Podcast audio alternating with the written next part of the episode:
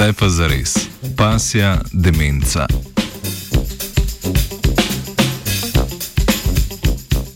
Tako kot imamo ljudje demenco, lahko psi razvijajo sindrom kognitivne disfunkcije. V reviji Frontiers in Veterinary Science je bila objavljena raziskava, v kateri je slovaška raziskovalna skupina združila več različnih metod za zgodnejše ugotavljanje kognitivne disfunkcije pri psih. Skupina je upravila klinični pregled, uporabila pa je tudi vedenski vprašalnik ter izvedla analizo krvi in analizo možganov poginulih psov.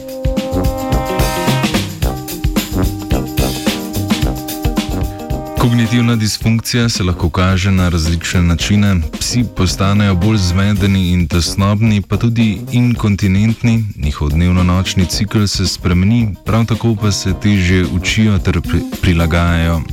Vprašalniki za lastnike, s katerimi si lahko veterinari pomagajo pri diagnostiki sindroma kognitivne disfunkcije in stopnje njenega razvoja, se uporabljajo že dolgo časa.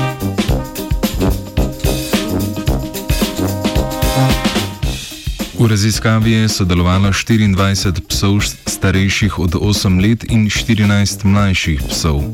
Lastniki in lastnice psov so morali izpolniti vprašalnik, psom pa je bila oduzeta kri, ki so jo analizirali, da bi ugotovili nivo peptida amiloda beta 42, neurofilamentnega lahkega proteina in proteina tau.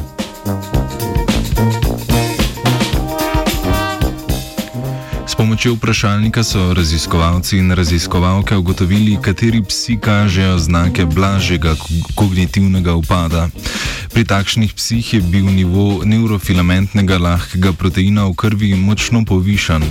Nivo proteina tau in peptida amiloda beta 42 pa se glede na kognitivno funkcijo psa ni znatno spreminjal.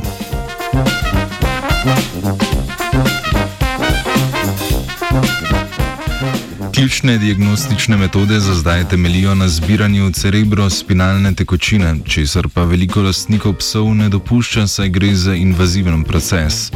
Skupaj s kliničnim opazovanjem in vprašalnikom bi lahko neurofilamentni lahki protein uporabljali kot biomarker za zgodno diagnostiko sindroma pasije kognitivne disfunkcije.